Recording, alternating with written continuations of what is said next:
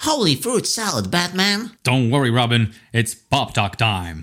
Witajcie w podcaście Pop Talk, w którym popkulturę bierzemy na poważnie. Dzisiaj rozmawiamy o filmowych wcieleniach Batmana. Mówią do Was Michał Marek i i Vena. zapraszamy.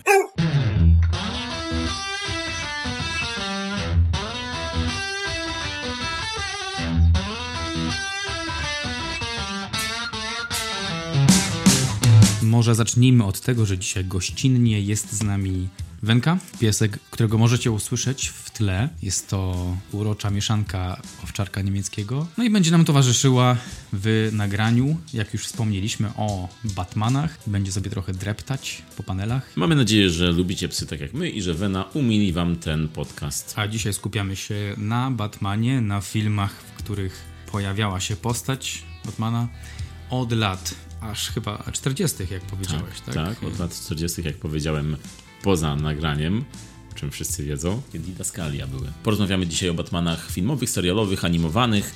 E, w, tak w skrócie, zaczęła się historia w, e, ekranowych wcieleń Batmana w 1943 roku już, e, kiedy to powstał serial kinowy Serial kinowy. Serial kinowy to było coś takiego w pierwszej połowie XX wieku, kiedy po prostu odcinki Batmana wychodziły na dużym ekranie, no bo wiadomo, że nie miały gdzie indziej wychodzić. I była to wersja, taka pierwsze koty za płoty, wiadomo, mm, kiedy komiks święcił triumfy, no to musiała powstać jego wersja filmowa. E, ale o niej nie będziemy dziś rozmawiać. Ona jest do obejrzenia na YouTubie i ja z ciekawości sobie włączyłem fragmenty i no jest to coś, taki relikt przeszłości. Tam jest chyba ze 3,5 godziny e, tego serialu kinowego, takich w odcinkach historii Batmanowych. Jesus, it's black and white. 3,5 godziny. Holy black and white, Batman! Don't worry, Robin. E, jest to taka ciekawostka, wiadomo, jako że pierwsza wersja filmowa, ale jest ona na tyle, na tyle jest e, silly i, i na tyle jest nieprzystająca do postaci Batmana i w ogóle do całego uniwersum, że, że nie musimy o niej rozmawiać, bo wiadomo. E, więc możemy przejść od razu dalej do mm, lat 60., kiedy to była wersja z Adamem Westem, bardzo popularna wersja serialowa oraz filmowa. Marek, zdaje się, że ty widziałeś tę wersję. Batman 1966. Plot bardzo prosty. Są ludzie, którzy chcą przejąć władzę nad światem i jest Batman i Robin, którzy w tym przeszkadzają. I nawet jak mówiłeś o tej erze komiksowej, rzeczywiście te początkowe filmy wyglądały bardzo komiksowo i miały charakter eskapistyczny. W początkowych kadrach e, filmu Batman z 66 roku jest e, kilka plansz z tekstem, który zapowiada jakiego rodzaju będzie to film żeby ludzie nie brali go na poważnie. Piszą tam, że, że są wdzięczni wszystkim wrogom i kryminalistom, ponieważ e, oni tak naprawdę zainspirowali ich do stworzenia tego filmu. Naprawdę? W 66. tak, tak. Także mieliby dzisiaj na pewno sporą pożywkę, patrząc na niektórych władców. No i ten z lat 60. film był taki, no był taki pał. Te ciosy musiały być takie komiksowe, ten strój i te ruchy, ta choreografia. Zresztą te dymki komiksowe były na ekranie w, w serialu i i ta komiksowa estetyka to było coś takiego, z czego stał się ten serial słynny.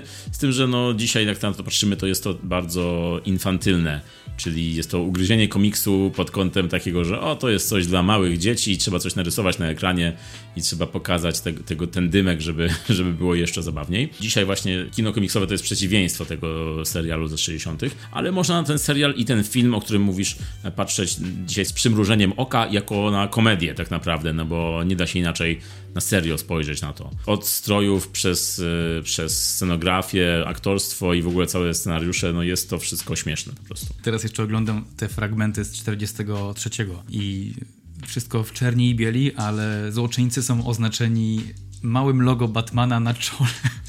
Which is funny. Więc tak, twórcy starali się o to, żeby to był film komediowy, żeby to był film przełożony z komiksu jeden do jednego. A wiadomo, że wtedy te komiksy były bardziej infantylne, to niebezpieczeństwo było takie nierealne, teraz wszystko jest bardzo mroczne, wszyscy bohaterowie są traktowani na poważnie.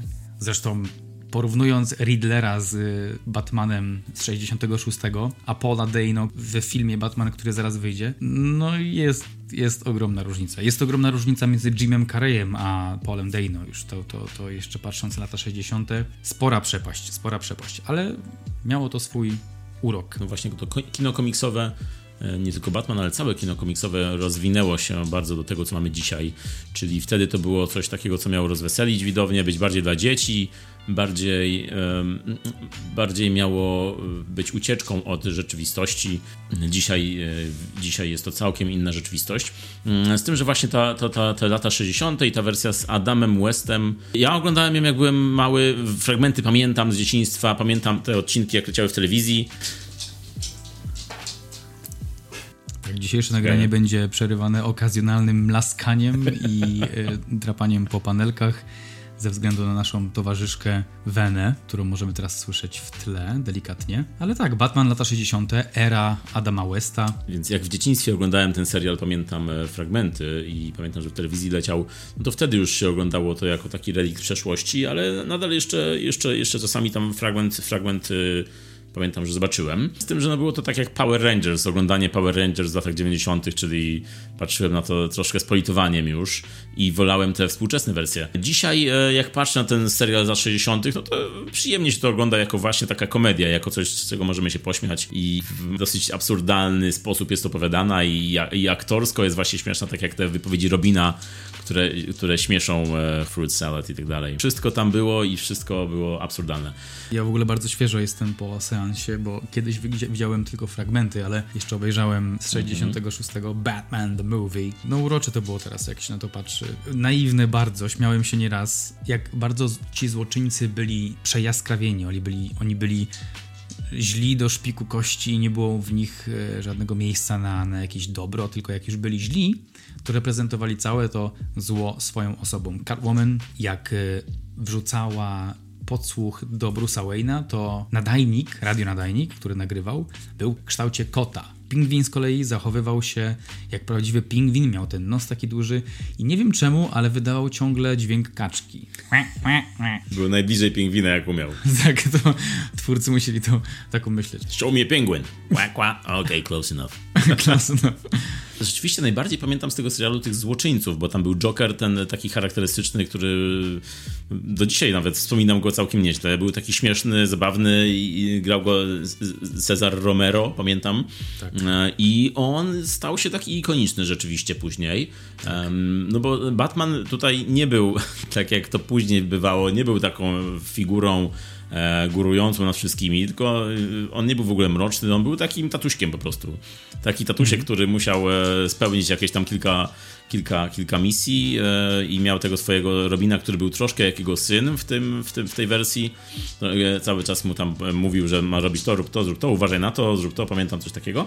Mm, no i oni byli tacy świętoszkowaci w tej wersji. To, to, to byli tacy tak. typowi policjanci, niż, bardziej niż superbohaterowie dzisiejszych standardów. Dlatego bardziej ci złoczyńcy się, pamiętam, wybijali wtedy, bo oni byli jacyś mieli jakiś charakter. Jednowymiarowy, ale, ale mieli, tak. Tak, oczywiście. Każdy miał swoją cechę i to była jedyna ich cecha, tak? Tak, tak, tak samo jak Batman miał jedną cechę i Robin miał jedną cechę. Robin właściwie był tylko takim dopowiadaczem. No i ten Adam West był, e, nie wiem czy wiesz, ale też wzorcem dla wielu mężczyzn, młodych mężczyzn. Adam West, pamiętam jak mówił w wywiadach, że Dostawał mnóstwo listów od młodych mężczyzn z podziękowaniami, dosłownie napisanymi w taki sposób, że brakowało im wzorców męskich w życiu i taki Batman im tę pustkę wypełnił. Co teraz dla mnie jest szokiem, że ktoś taki mógł zapewnić jakiś wzorzec y, męski. No to były inne czasy rzeczywiście i inaczej się wtedy patrzyło na kino, na film, na, na postaci filmowe, komiksowe i rzeczywiście mm, to, że Batman był taki y, jednowymiarowy i był taki całkowicie dobry, czysty jak łza, to, to było właśnie, to miało służyć jako, mm, jako wzór do naśladowania rzeczywiście. I to, że on z Robinem mieli taką relację ojcowsko-synowską, to na pewno pomagało właśnie w tym, co mówisz. Ale z kolei e, ja, jak byłem mały i oglądałem Batmana, no to mm, na pewno i ty też zresztą. Mi, nasze czasy to już była era Batmanów filmowych Tima Bartona, czyli e, wersja z Michaelem Keatonem. Mm, Michael Keaton w pierwszym Batmanie wystąpił w 1989 roku. E, I ten film pamiętam bardzo dobrze z telewizji. Druga część, czyli Powrót Batmana, to był 92 rok. I ten film też pamiętam z telewizji. Mm, często go oglądałem. I Pamiętam, że to było takie pierwsze zetknięcie się moje z e, filmową, możliwe, że nawet w ogóle z wersją Batmana, Um, no na pewno komiksy jeszcze były, ale, ale jeśli chodzi o na pewno telewizję i film, no to to była wersja, która mnie wprowadziła w ten świat. Tak, totalnie, totalnie miałem podobne doświadczenia. Batman z lat 60. dotarł do mnie właściwie dziś, tak w pełni bym powiedział, ale pierwszy Batman, pierwsze Batmany to jest właśnie Keaton, Clooney, Kilmer, to są, to są te, te okresy. I pamiętam, że ta druga część do mnie trafiła bardziej, ta z Catwoman, czyli z Michelle Pfeiffer jako Catwoman. Bardzo się odbiła na mojej psychice. Ona w roli Catwoman była świetna i tak, taką interpretację dała tej postaci, że została ze mną na wiele lat. Keaton, biedak, męczył się w tej gumie tyle dni na planie. Um, to było taka. 23 lata minęły w sumie od y, Adama Westa, i to była już taka bardzo mroczna, mroczniejsza, znacznie mroczniejsza wizja Batman to był rzeczywiście królem nocy. Był, była mroczniejsza, ale nadal była komiksowa, nadal była na tyle przyjazna, e, że, że, że jeszcze nie, nie. Tam był, było dużo nocy, było dużo gotyku, e, tak. to całe Gotham, jak nazwa wskazuje, to było, jest, było gotyckie miasto w pełni już tutaj w tym filmie. No i to, że od Adama Westa do Michaela Keatona ten strój się tak całkowicie zmienił, czyli Adam West miał ten po prostu, miał piżamę, a Keaton już miał, tak jak powiedziałeś, pełny gumowy, ciężki kostium, w którym ciężko było mu się poruszać i nie, nie mógł w ogóle ruszać głową, miał nieruchomą szyję, przez, więc wyobrażam sobie, że to musiało być bardzo, bardzo trudne. Tak, pamiętam jak właśnie w tym poprzednim Batmanie, czyli z 66, była taka scena jak e, odnośnie stroju. Zebrała się mm, konferencja prasowa i byli fotoreporterzy i Batman i Robin stali i oni robili im te zdjęcia, bo właśnie uratowali e, kogoś przed czymś. Nie wyobrażam sobie Batmana stojącego przed... Na ściance. No ale stali tam i w tej grupce fotoreporterów była antagonistka. Jedna z antagonistek grała Rosjankę. Przyszła z aparatem, podeszła do, do Batmana i powiedziała, czy możesz e, ściągnąć maskę, żebym ci zrobiła zdjęcie. I Gordon, Gordon, Gordona grał taki starszy papa i od razu zareagował, huknął na, na tą Rosjankę i powiedział Zdjąć maskę? Przecież on nie będzie mógł zwalczać zbrodni, gdy ją zdejmie. Ale Batman dyplomatycznie jej wytłumaczył. Spokojnie, komisarzu, widać, że ta pani nie jest stąd. I zaczyna jej tłumaczyć, że ta maska jest po to, żeby chronić siebie i swoich bliskich, co nie? Ale nawet, takie, nawet taka reakcja tego Gordona, że rzeczywiście ten strój, jak my teraz na to patrzymy, on był to jest komedia jakaś, to jest taki, taki bła, błazeński strój e, jakiegoś, jakiegoś kabareciarza, mm-hmm. a wtedy był traktowany poważnie. Nie, nie, nie, koleżanko, bo tak. wtedy kto będzie zwalczał zbrodnie? Dokładnie. Ale to z tą maską to właśnie jest takie dosyć symboliczne, bo maska Batmana to, że Batman w masce i w stroju jest całkowicie inną postacią od tego Bruce'a Wayne'a, który nie ma maski i stroju. I ta maska jest taka symboliczna w ogóle, ten cały strój jest symboliczny. To, że ten strój mogą zakładać różni aktorzy i nadal są właśnie Batmanem i ten Batman symbolizuje coś, rzeczywiście to zostało, zostało w, na przestrzeni lat w tych wszystkich Batmanach, czyli to, chociaż zmieniają się ludzie, zmienia się wystrój, zmienia się scenografia, sposób zrobienia, to cały czas ta maska jest taka święta. Ludzie boją się maski, boją się, boją się maski, boją się tego, co symbolizuje. A właśnie jeśli chodzi o wersję z lat, 8, z lat 90., 80., jeśli chodzi o wersję Bartona, no to to, że Michael Keaton tam wystąpił, to wtedy wywołało to duże oburzenie. Czyli wśród fanów Batmana, wśród fanów komiksów było słychać dosyć negatywne głosy bo Michael Keaton był aktorem komediowym, no posturę miał taką mikrą raczej. Dopiero kiedy założył kostium Batmana, kiedy te wyrzeźbione muskuły były na jego ciele, to wtedy wyglądał ok, ale mm -hmm. kiedy bez kostiumu jako Bruce Wayne, no to wygląda jako taki ziutek normalnie po prostu. Więc... That's the word. Więc więc y, tak, no rzeczywiście nie dziwię się z jednej strony, że wtedy były takie głosy, chociaż dzisiaj i wtedy, jak oglądałem tego Batmana, no to dla mnie Michael Keaton był Batmanem, no i nadal jest. Tak, i w, w świadomości wielu osób zapisał się jako taki pierwszy real Batman.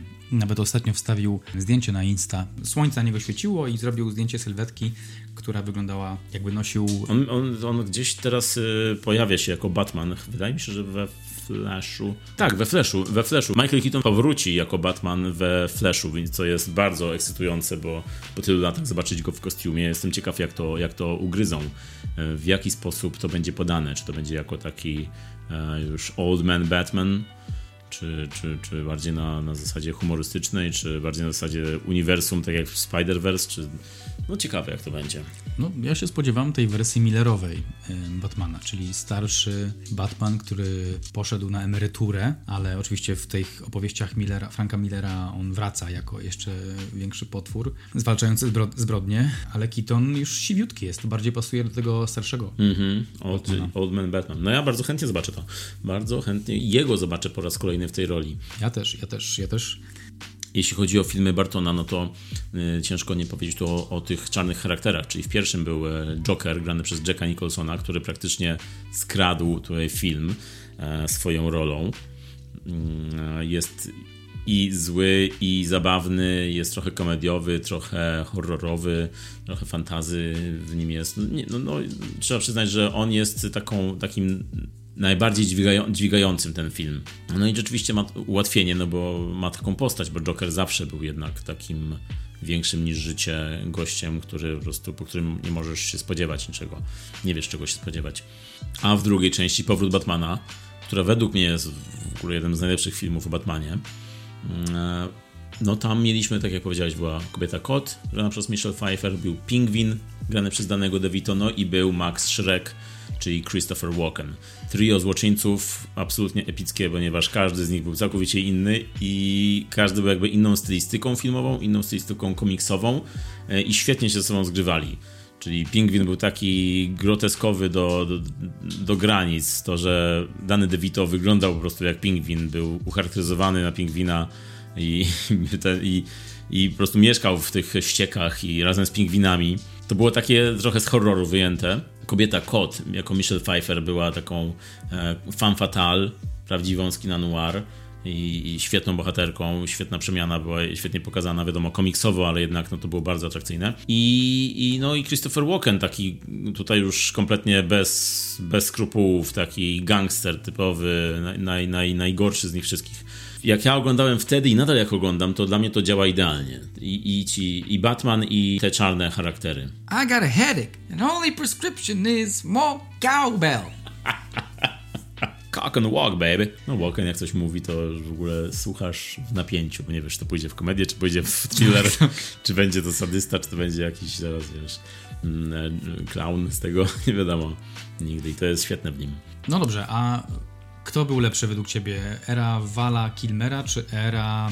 Hey, did a little rhyme there. Era Kilmera. Czy Kitona?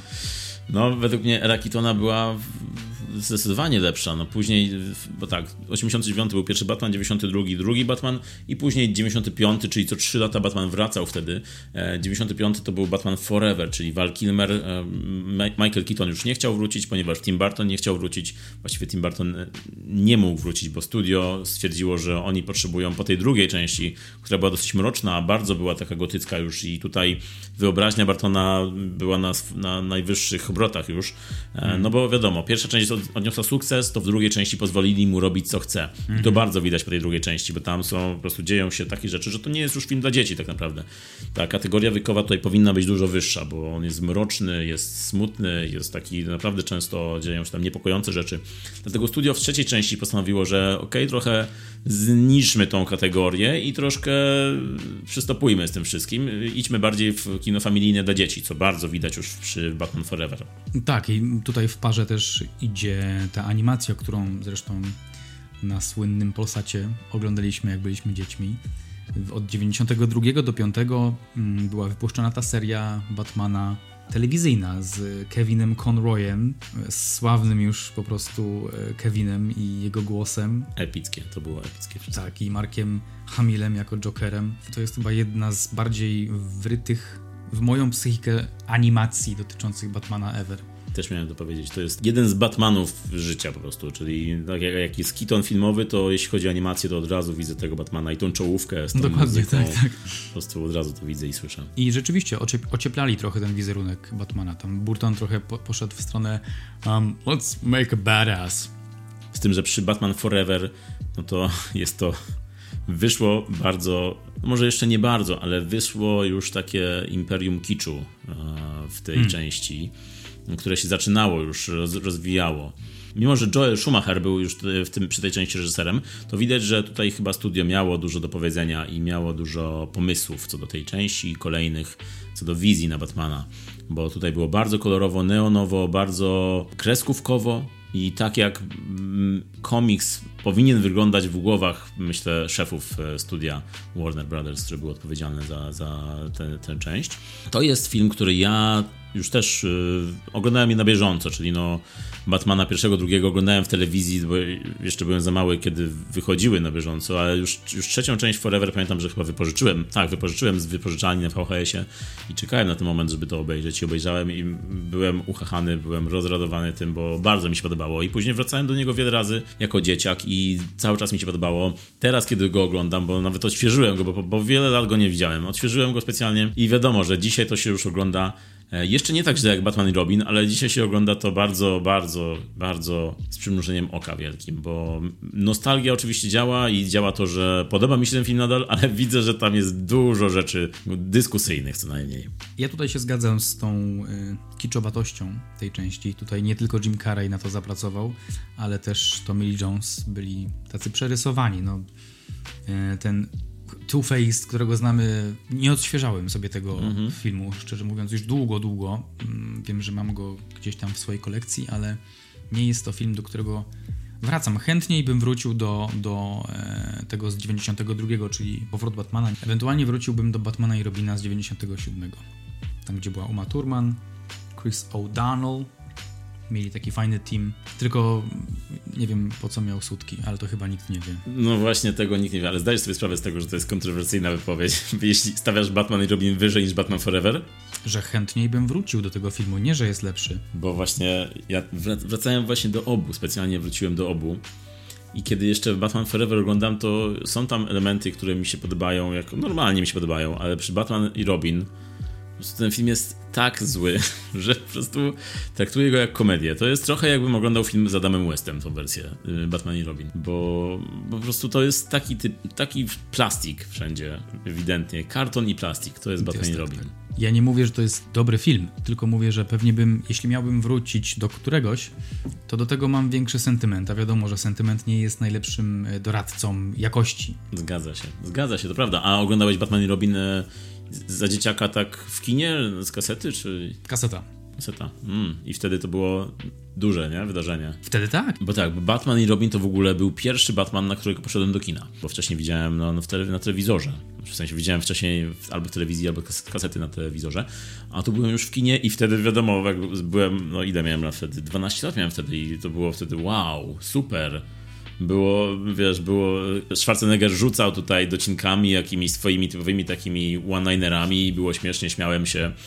Clooney'a w ogóle nie znałem wtedy, więc e, nie wiedziałem, kto to jest. Ważne, że jest Batman na ekranie. Jeszcze jest Robin, wow, ja cię kręcę. Jeszcze jest Batgirl. E, I było tyle tych e, czarnych charakterów, że wiesz, no dla mnie jako dzieciaka to wystarczyło. Po prostu to już jeszcze było kolorowo, więc to zrobiło ten film. Później wróciłem do niego po latach i po prostu to, co zobaczyłem, to była tragedia, katastrofa. Po prostu Mówię ci, plastik and karton. E, wszędzie wszystko błyszczy się, jest posypane brokatem. Ten Schwarzenegger, który co chwilę musi powiedzieć jakiegoś one-linera z użyciem słowa zimno, mróz, lód. I cold. Tak, z, z tym akcentem jeszcze. Jakbym miał, wiesz, kartkę z takimi kujpami i tylko rzucał nimi co chwilę. No i właśnie to, co powiedziałeś, czyli ten strój, słynny strój Batmana i Robina, słynny strój z sutkami z lateksu. Gumowymi sutkami. E, te sutki były już nawet w Batman Forever, bo to już są, te dwa filmy są bardzo blisko siebie stylistycznie. Czyli Forever jest bardzo kolorowy, gumowy, ale już Batman i Robin to już jest kompletnie poszli w absurdalne ilości tego wszystkiego. No i w Batman Forever jest nawet słynne ujęcie, kiedy Val Kilmer zakłada strój Batmana i jest to, są te zbliżenia, nie? Jest zbliżenie ręka, sutki i nagle jest zbliżenie, kiedy się odwraca i pokazuje ci pupę. Jest bat pupa w gumie. A w Batman i Robin jest tego jeszcze więcej i to są takie ujęcia, które patrzysz i myślisz, ale zaraz, zaraz. Dlaczego? Dlaczego wtedy, muszę wtedy... przez 3 sekundy oglądać pupę Batmana na ekranie wielkim? Wtedy o tym nie myślałem. Tak, ale teraz jak patrzę na pupę Wala, to z nóg mnie zwala. A jeśli chodzi o czarne charaktery jeszcze w Batman Forever, e, no to jak dla mnie to Jim Carrey nosi, niesie ten film po prostu. Jako człowiek zagadka jest tak przerysowany, jest tak... jest po prostu Jimem Carreyem i ta jego rola jak, jak teraz sobie odświeżyłem ten film, to ta jego rola to jest taki najjaśniejszy punkt. Jest Jimem Carreyem, jest śmieszny, widać, że improwizuje, rzuca te, te, te hasła na planie i mówi do innych po prostu rzeczy, rzeczy jakby grał w Ace Venturze albo w Głupim Głupszym i to, to mi się właśnie podoba tutaj. To, że dwie twarze, Tommy Lee Jones też jest taki przerysowany, chociaż wygląda strasznie w tym makijażu i to, że, to, że człowiek dwie twarze musi mieć po prostu wszystko podwójne, czyli jak pali papierosa, to musi na dwie strony twarzy palić papierosa. Jak pije drinka, to musi mieć dwa drinki w ręce, musi mieć dwie kobiety i jego kryjówka jest podzielona na dwa. No to to jest już absurdalne wszystko. To jest już do takich granic posunięte, że dzisiaj oglądając to, no to, to nie da się na to patrzeć jak na normalny film. To jest art house. To jest art house już. A Batman i Robin to są szczyty art house'u. Ale na ratunek przychodzi Christopher Nolan z Christianem Bale'em i naprawdę kozacką trylogią. Christian Bale, pierwsza część Batman Begins z 2005 roku. Pamiętam, że wtedy jeszcze nie kumałem trochę sytuacji, ale wszyscy byli zachwyceni tym filmem. Do mnie tak bardzo nie trafił jak druga część, czyli Mroczny Rycerz. Pierwsza część, teraz jak się patrzy na tę trylogię, to jest najbardziej naiwna, ale też oferuje jakiś taki osadzony w rzeczywistości początek, powstanie tej, tej postaci.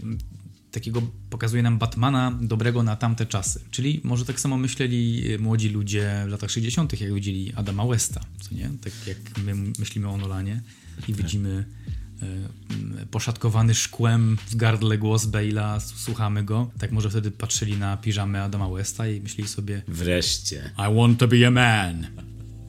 Wreszcie ktoś dobrze pokazał tego Batmana, pomyśleli. Hmm. Tak, tak, no Christopher Nolan tutaj wszedł cały na czarno, można powiedzieć. I, I odratował franczyzę, którą Batman i Robin tak naprawdę w 97 roku zabił, bo nie dość, że Batman i Robin miał fatalne recenzje, to jeszcze no, nie zarobił za dużo i, i zwrócił się oczywiście, ale było to dużo poniżej oczekiwań. I od 97 roku aż do 2005 trzeba było czekać na taki jakby reboot no, tej serii. To był, zanim jeszcze rebooty były, były modne, to Nolan przyszedł i zrobił reboot. Batmana. No i tutaj e, przyszedł z, czymś całkowicie innym. Zaproponował wersję historii, która może nie jest tyle historią Batmana, co historią Bruce'a Wayne'a. Bo do tej pory mieliśmy tylko Batmany, a ten Bruce Wayne to tam był, chwilowo się pojawiał na ekranie i nawet nic nie miał do gadania. E, a tutaj przez pół filmu tak naprawdę nie ma Batmana u, Nolana. Tak, do, dokładnie, dokładnie. Wtedy to Wayne był maską, a Batman był głównym, grał główne skrzypce. Tutaj dopiero widzimy proces psychologiczny. Wtedy jak zobaczyłem Batman Początek, to mi się bardzo podobało to, jak to było psychologicznie rozegrane właśnie, ta, to całe podłoże. No bo wiadomo, że to jest komiks, jest to postać, kiedy pomyślisz o tym, no to jest to postać, która działa tylko kiedy zawiesisz tą niewiarę, tak, no bo jest to milioner, miliarder, który zakłada wieczorem, nocą zakłada kostium i idzie walczyć z przestępcami. Jest to no, no jest to typowo komiksowa postać. e, Z tym, że no Nolan tutaj tak to podłożył wszystko i rozbudował tą całą historię jego, to origin story, że naprawdę można było w to uwierzyć. Już nie traktowało się tego tylko jak coś świecącego, jako coś, jakieś fantazy, tylko bardziej, tak jak powiedziałeś, ugr- ugruntowane w rzeczywistości. No i widać też tutaj e, styl Nolana, który jest taki dynamiczny. Zawsze masz wrażenie, że znajdujesz się w środku akcji, jak zaczyna się scena. I to tak fajnie sobie płynie z fajnym, równomiernym rytmem. I to wszystko sprawiło. No i drakońskie przygotowania Christiana Bale'a, który, no jak wiemy, potrafi przygotowywać się do ról tak organicznie. Wszystko, wszystko sprawiło, że, że to był. E, to było bardzo porządne otwarcie trylogii. To prawda. I to, to mu- muzyka Zimmera tutaj wyznaczyła już na e, nowe milenium e, ten dźwięk Batmana typowy, bo już w kolejnych częściach Zimmer też miał świetne ścieżki dźwiękowe. Chociaż w filmach Bertona e, muzyka danego Elfmana, czyli stałego współpracownika Bertona, też była według mnie bardzo fajna, tylko że była z całkiem innej stylistyki. To było bardziej fantazy, był typowy Barton bardziej, ale ten Batman theme danego Elfmana nadal bardzo przyjemnie mi się słucha. A jeśli chodzi właśnie o to, że Nolan przyszedł i zaczął nową trylogię, no to wtedy, w tamtym czasie, w 2005 roku, Nolan był gorącym nazwiskiem, bo zrobił takie filmy jak zrobił Memento, które wzbudziło wiele emocji i które ewidentnie było czymś nowym w kinie. Później zrobił Bezsenność, no i stał się takim gorącym nazwiskiem, a tym bardziej, kiedy już zaczął Batmana, no to już w ogóle był takim jednym z tych topowych, ale jeszcze nie był na tyle rozpoznawalny, co, co mm, później przy okazji Mrocznego Rycerza Incepcji. E, ale już tutaj widać, że seria poszła w dobre ręce. I później po Batman Początek, e, trzy lata później, Mroczny Rycerz, The Dark Knight, No i tutaj nie wiem, czy się zgodzisz, czy nie. Według mnie jest to absolutne arcydzieło kina komiksowego, ale no naprawdę też kina w ogóle. Jest według mnie najlepszy film o Batmanie mm, i po prostu jest świetnym, pełnym dziełem filmowym. Tak, tutaj bezdyskusyjnie nawet. To jest aksjomat. To jest. Ja nie wiem nawet. Why waste breath? Jest to uniwersalne rzeczywiście, nie? To chyba jest najczęściej wymieniany e, i według mnie słusznie. Niestety za ogromną cenę, bo straciliśmy Hita Ledgera, ale mm, film niesamowity. Jak do Batman początek nie wracałem od, od jakiegoś czasu i być może jak teraz bym obejrzał Batman początek, to może bym stwierdził, że nie jest aż tak dobry jak wtedy, jak to oglądałem. To Mroczny Rycerz jest to taki stały punkt, do którego wracam często i zawsze jak go oglądam, to te dwie i pół godziny mijają raz, dwa i naprawdę widzę w tym filmie bardzo dużo. Od tego, od tej naprawdę wielkiej roli mm, Heatha Ledgera, świętej pamięci, który zagrał Jokera tak jakby, no, jakbyś nie wiedział, czego masz się po nim spodziewać, co, co się za chwilę wydarzy. Jest to chyba najlepszy Joker w historii, bo, bo mamy poczucie takiego prawdziwego zagrożenia w nim.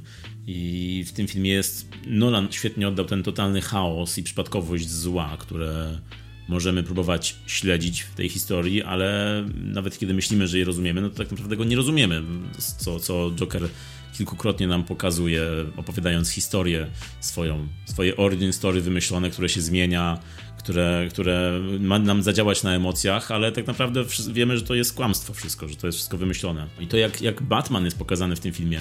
Bale dla, dla myślę pewnego pokolenia Batman to jest Christian Bale i no nic dziwnego, bo włożył w tą rolę wszystko, włożył całe serce i cały swój głos, który ja nie wiem jak on nie stracił tego głosu, kiedy on tak gra, tym, e, gra w tych trzech częściach. Dużo poświęceń i naprawdę dobrze wyszło. Pierwszy raz w tej walce się miota nie jest taki od początku do końca superbohaterski, tylko widać te jego ciemne strony, takie, że on nie jest to pewne, czy on wygra w tej walce. To jest bardzo nieprzewidywalny film. Jest dużo tam psychologii takiej. E, on schodzi e, w głąb siebie, dosłownie nawet w filmie to pokazują, że jest w tym, w tym e, tunelu, w, tym dole, in the pit, tak się chyba nazywało. I tam też próbuje złamany dosłownie dojść do siebie w tej serii, w tej trylogii, odnaleźć siebie i wrócić silniejszy. No to jest y, cała ta trylogia to taka metafora. Zaczyna się niewinnie, potem pojawiają się pra prawdziwe problemy, a na końcu pojawia się zwątpienie, czy to ma sens, po co to robić i, i schodzenie w, w, taki stan refleksji bardziej i, i szukanie tam czegoś, co w tym jest dla mnie i dla ludzi. Dobrześ to obmyślił, Christoph. Dobrze, dobrze obmyślił razem ze swoim bratem Jonathanem. No jest to wszystko gorzkie, mroczne, ale też bardzo, bardzo słuszne. No i później mamy zakończenie serii, czyli Mroczny Rycerz powstaje. Tutaj mamy jako czarny charakter mamy Bane'a, też słynna rola Toma Hardiego, też, z, też ze zmienionym głosem, dosyć charakterystycznym. Tutaj był właściwie pojedynek na głosy już w tej części. You fight like a younger man, admirable, but mistaken. Tak, to była bardzo dobra era dla Hardiego, bo on był takim, takim kameleonem wtedy jeszcze, czyli nie rozpoznawałeś go tak naprawdę. Tym bardziej, że często grywał w maskach, miał zakrytą twarz w swoich rolach. No i był bardzo, bardzo zmienny. Zmieniał się troszkę jak Christian Bale właśnie. E, Bale też lubi się zmieniać ze swoich ról i Hardy wtedy też jeszcze był taki e, lubił się zmieniać, no ale no, później z Venomem już stał się taką mega gwiazdą, że już ciężko ukryć kim jest Tom Hardy. Jest bardzo hardy rzeczywiście. Hej. No i właśnie ja tutaj mówiłem o tej metaforze, yy, że, że, że tutaj w tej ostatniej części Batman schodzi w dół, żeby się odnaleźć, żeby złamany, pokonany, żeby odszukać, no bo ta trzecia część dzieje się teoretycznie w świecie filmu po 8 latach, także to jest sporo lat, żeby nabrać blizn, e, kontuzji po każdej nocy przebitej e, z jakimiś ludźmi. No jest to Batman złamany, nie tylko ma kręgosłup złamany przez Bane'a, ale no, stracił też wiele, no, no stracił wiele, przede wszystkim stracił... Rachel! Tak, spoiler. Stracił stracił osoby w swoim życiu, stracił e, osoby, które kochał. No jest to też coś niespotykanego rzeczywiście w kinie superbohaterskim, komiksowym, e, że główni bohaterowie mogą tutaj zginąć. Stawki są wysokie. Jeśli chodzi o tą trylogię Nolana, no to Mroczny Rycerz tutaj już ustawił tak wysoko poprzeczkę, jeśli o mnie chodzi przynajmniej, to poprzeczka była tak wysoko, że Mroczny Rycerz powstaje, no nie doskoczył do tej poprzeczki, bo on mnie się, podobał mi się ten film, lubię go, ale no nie jest na tyle pełny jak ten Mroczny Rycerz. I być może jest to rzeczywiście to, że Nolan przy Mrocznym Rycerzu już y, zrobił tyle, że ciężko było to przebić rzeczywiście. Ale ludzie wciąż próbują i następne rzeczy powstają. No w 2014 roku na przykład nastąpiła era Jasona Omary, to są już animacje, i zrobił kilka porządnych historii. No właśnie animacji nie oglądałem z tego, z tego czasu, więc y, może ty powiedz coś więcej, bo ja muszę tutaj nadrobić. A tutaj duża część tych animacji opowiada o, o Batmanie i jego synu, o którym nie wiedzieliśmy wcześniej, ale to jest jedna z zalet wariacji historii komiksowych, że możemy dotykać, scenarzyści mogą dotykać różnych aspektów postaci, które nie do końca są rozwinięte i pokazać to ze swojej perspektywy, jaki oni mają na to pomysł. No i Jason O'Mara tutaj otwiera filmem animowanym pod tytułem Syn Batmana, w którym dowiadujemy się, że Batman z Talią Al Ghul baraszkowali i Talia mu nie powiedziała o tym, ale mają razem syna. A wiadomo, że mm, Talia Al Ghul pochodzi z tych Al Ghulów.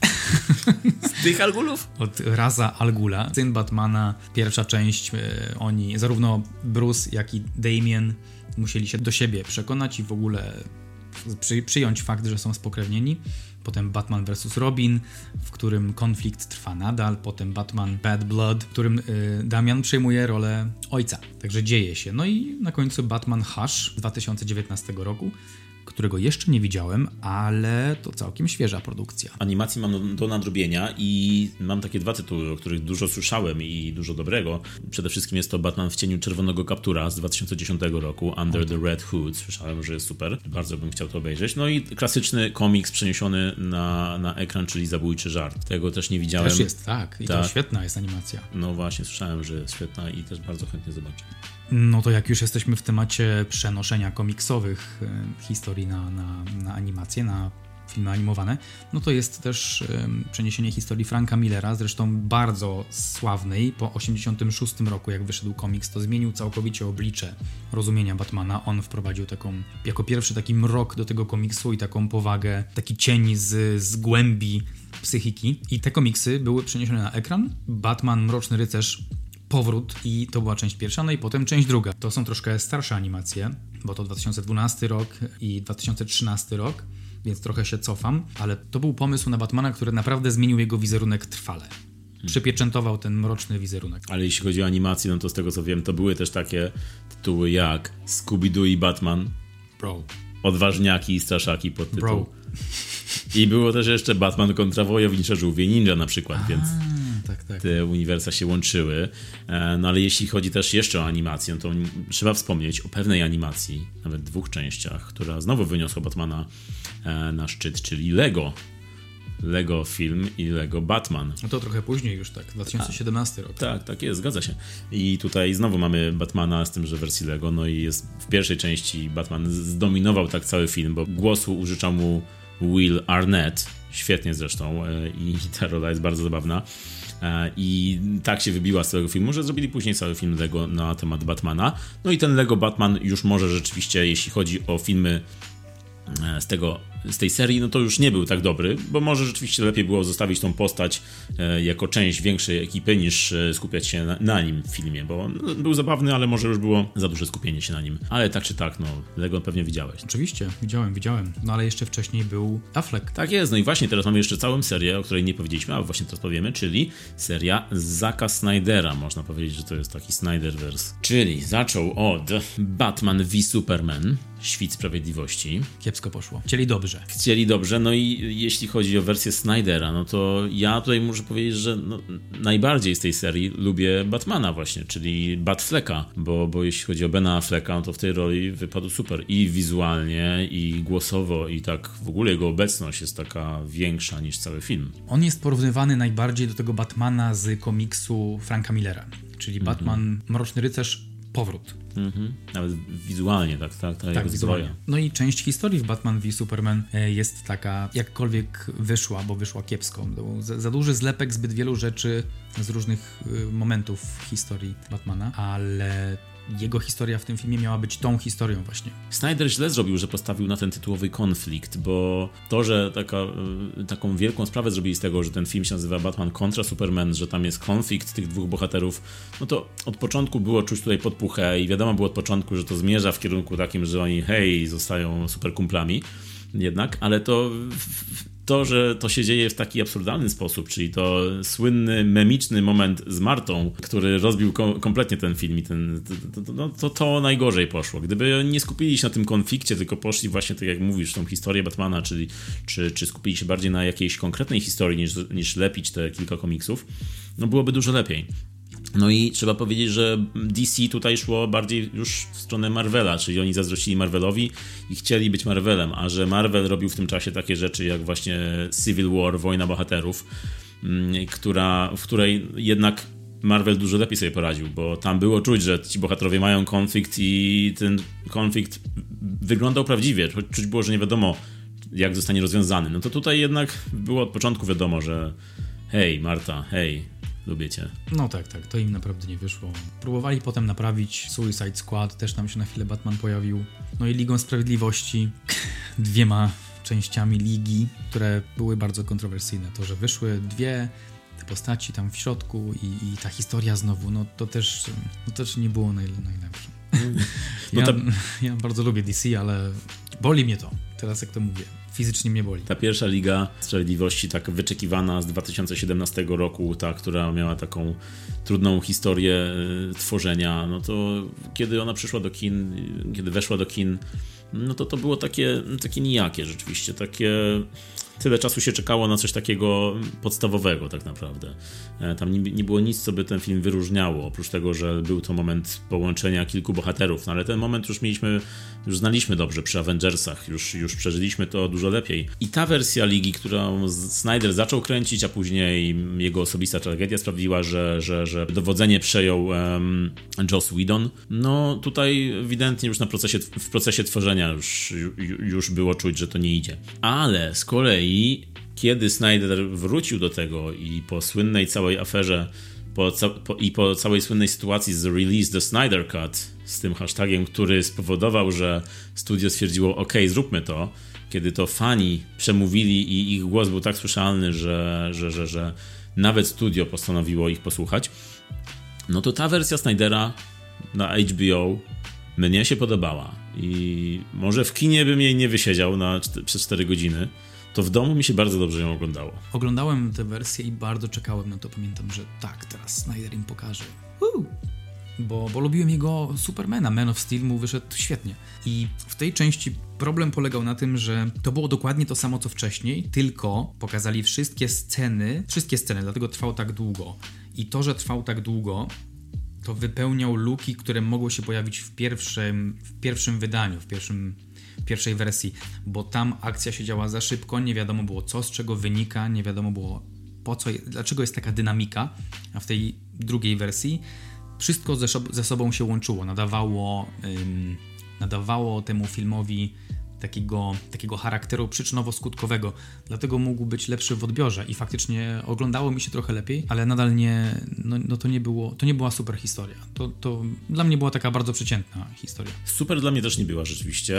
E, ja kiedy obejrzałem to w domu, no to mnie się pod tym względem dobrze oglądało, że tak jak powiedziałeś rzeczywiście, że było tutaj, e, wynikało wszystko jedno z drugiego, ale z drugiej strony też było, było tam miejsce na oddech, było miejsce na jakieś e, epickie momenty akcji, ale było też miejsce na jakieś momenty cichej refleksji. E, było tam więcej motywów, e, które pasowały do siebie. Był tam wątek straty, który wiadomo personalnie też dotknął Snydera podczas kręcenia, ale był ten, ten, ten, ten, ten motyw wybrzmiał z tego filmu, czyli to, że ta historia superbohaterów e, opowiada tak naprawdę o, o stracie i o, o jakichś osobistych rzeczach bardziej, to mi się bardzo podobało. I może nie uważam go za jakiś bardzo bardzo dobry film, ale uważam, że jeśli chodzi o, o naprawianie tej wersji, no to poszło mu bardzo dobrze, bo jest to troszkę taka super bohaterska opera, bo sceny są tam rozbuchane, jest to wizualnie piękne i muzyka jest taka e, bombastyczna, że no to całość się ogląda z zaciekawieniem i mnie się to podobało. E, cieszę się, że ten film powstał, że ta wersja powstała, bo dużo, dużo poprawiła złego, które było w wersji kinowej. I to był rok 2017. 2017 oryginalnie, a później 2021 była wersja Snyder Cut na HBO. A w międzyczasie jeszcze powstał Lego Batman Movie, o którym wcześniej wspomnia wspomniałeś, czyli era Willa Arnetta, który dawał głos Batmanowi i no ta część, ten film w ogóle bardzo fajnie wyszedł. Tutaj plot polega na tym, że Batman i Joker, Batman i Joker mają konflikt, ale na, tak, na, takiej bardzo humorystycznej stopie dla nas, bo Joker zawsze uważał, że jest odwiecznym wrogiem Batmana i dla niego to miało szczególną, szczególne znaczenie, ale Batman tego nie odwzajemniał, traktował go jak każdego innego złola i w reakcji na to Joker się zasmucił i postanowił opracować jakiś niecny plan, który sprawi, że oni się do siebie zbliżą. Czyli taka, taka komedyjka, ale naprawdę fajnie zrobiona, gagowa, taka mm, można się pośmiać dużo na tym filmie. No i też e, wizualnie świetnie zrealizowana. Także dobrze też, że tym Batmanem ludzie się bawią i mają zarówno bardzo mroczne pomysły na niego, ale też wprowadzają trochę osłody dla młodszej widowni. Tak, to w Batmanie zawsze było fajne, że, że co ktoś przyszedł, to miał swoją wersję Batmana i zaproponował coś nowego.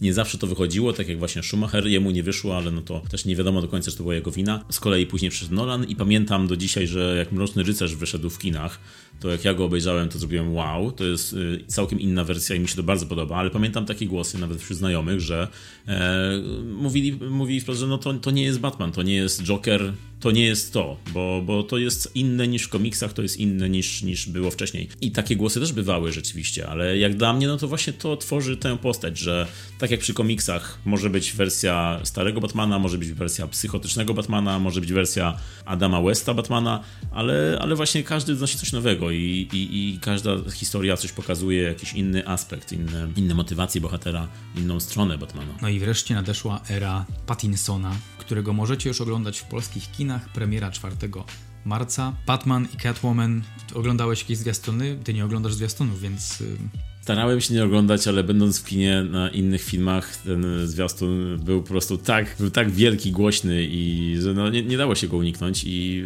oglądałem, oglądałem fragmenty, starałem się nie oglądać całego, bo tam oczywiście pokazywali sporo, no ale już sama ta muzyka i same te ujęcia, kiedy, które widziałem, monumentalne, no wygląda to świetnie. I przede wszystkim bardzo mi się podoba to, że ten film wygląda inaczej niż wcześniejsze Batmany, pod tym względem, że to jest bardziej taki film noir, kryminał, e, bardziej detektywistyczne kino, sam Matt Reeves, reżyser mówił w wywiadach, że on właśnie chce iść w kierunku Batman Detective Stories bardziej, czyli e, te, tego, co było kiedyś w komiksach. No i to jest super, to jest fajne, fajne fajnie się zapowiada to. Tak, tak. No, ludzie, którzy go oglądali, krytycy, ym, mówią, że no totalna dycha. Bardzo, bardzo zapowiadają dobrze. Mówią, że bardzo dużo elementów horroru jest i realnego zagrożenia.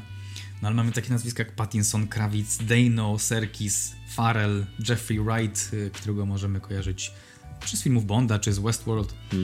Peter Sarsgaard. To są naprawdę fajne twarze, fajnie będzie ich oglądać w takiej mrocznej historii. Yy, Nakręciłem się. Może być tak, że wyjdę z, rozczarowany, bo, bo jestem bardzo nakręcony, a to nie zawsze działa dobrze. Ale po tych kadrach i po tym zwiastunie kilka obejrzałem już. Kinowo, y, technicznie, no świetne, świetne. I, i, I zupełnie na poważnie Batman wygląda. Batman, jakiego lubię, czyli Batman na poważnie. Ja też jestem bardzo nakręcony na tego Batmana i właśnie to, że ten film zapowiada się jak bardziej e, kino, kino kryminalne, kino noir, to mi bardzo pasuje, tym bardziej, że kojarzy mi się bardzo z serialem animowanym, o którym mówiliśmy, Batman The Animated Series z lat 90. Tam też był taki, e, taki, taki trochę vibe kina noir, takiego mrocznego miasta e, z femme fatale i, i Batmanem jako detektywem. I właśnie to mi się kojarzy w tym nowym filmie, w nowej wersji z Pattinsonem. I, i mam nadzieję, że to no, już słychać, że nie zawiedzie rzeczywiście. To już możemy być tego pewni. Także Bat's back, baby. The Bat is back. Tak ogólnie. Jeśli o komiksy idzie, no to Batman od dziecka był właściwie tak naprawdę jednym z moich ulubionych. A jeśli chodzi o filmowe adaptacje, czy masz jakieś ulubione? To jest oczywiste, Michał, to jest, to jest Christian Bale w drugiej części Dark Knight. Nie było lepszego, byli gorsi. Zobaczymy, jak Pattinson sobie poradzi. Mam dużo wiary w niego pokładam, bo uważam, że jest świetnym aktorem, artystą. Zobaczymy, jak, jak sobie poradzi. Ale do tej pory Christian, Christian był najlepszy. No dla mnie esencja bycia Batmanem i w, nawet w trakcie filmu, jak opowiada o tych rzeczach, że chce móc ruszać głową, czyli zwraca e, wyraźnie uwagę na te rzeczy, które mogły być absurdalne dla widzów. Sam zauważył zauważa to, że jemu to przeszkadza. Konflikt w tym filmie z Jokerem zawsze miał konflikt z Jokerem i ten film pokazał to w bardzo uniwersalny sposób. Jego głos, teraz jak pomyślałem sobie, to przecież mogli nałożyć łatkę tak jak Affleckowi na głos, tak? I mógł po prostu e, mieć jak, jak, jakoś technicznie zmieniony głos, ale Bale poszedł w stronę organiczności, zresztą jak zawsze, odkąd go widziałem w Imperium Słońca, dla mnie zawsze miał szczególną charyzmę. No ja tutaj mnie chwycił bardzo, bardzo, bardzo. Panie Bale, you're the best man. No to ja nie będę oryginalny. Rzeczywiście e, myślę, że uniwersalnie Mroczny Rycerz jest takim ulubionym Batmanem. Najczęściej się chyba to zdarza rzeczywiście. E, jeszcze do tego jest powrót Batmana e, Tima Bartona. To są moje dwa ulubione Batmany, do których mogę zawsze wracać.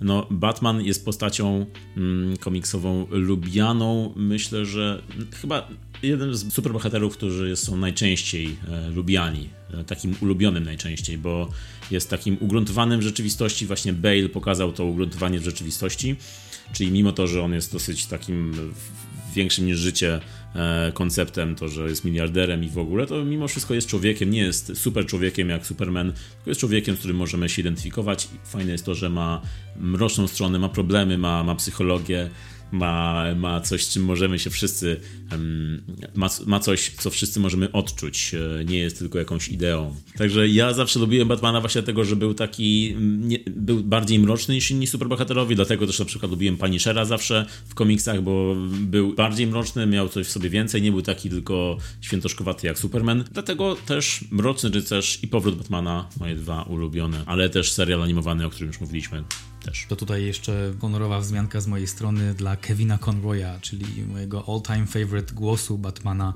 czy to w grach, czy, czy w animacjach, naprawdę daje radę. No dobrze, że tyle ludzi się zajmuje Batmanem, że, że tyle osób ma dostęp, bo może powstawać wiele wariacji.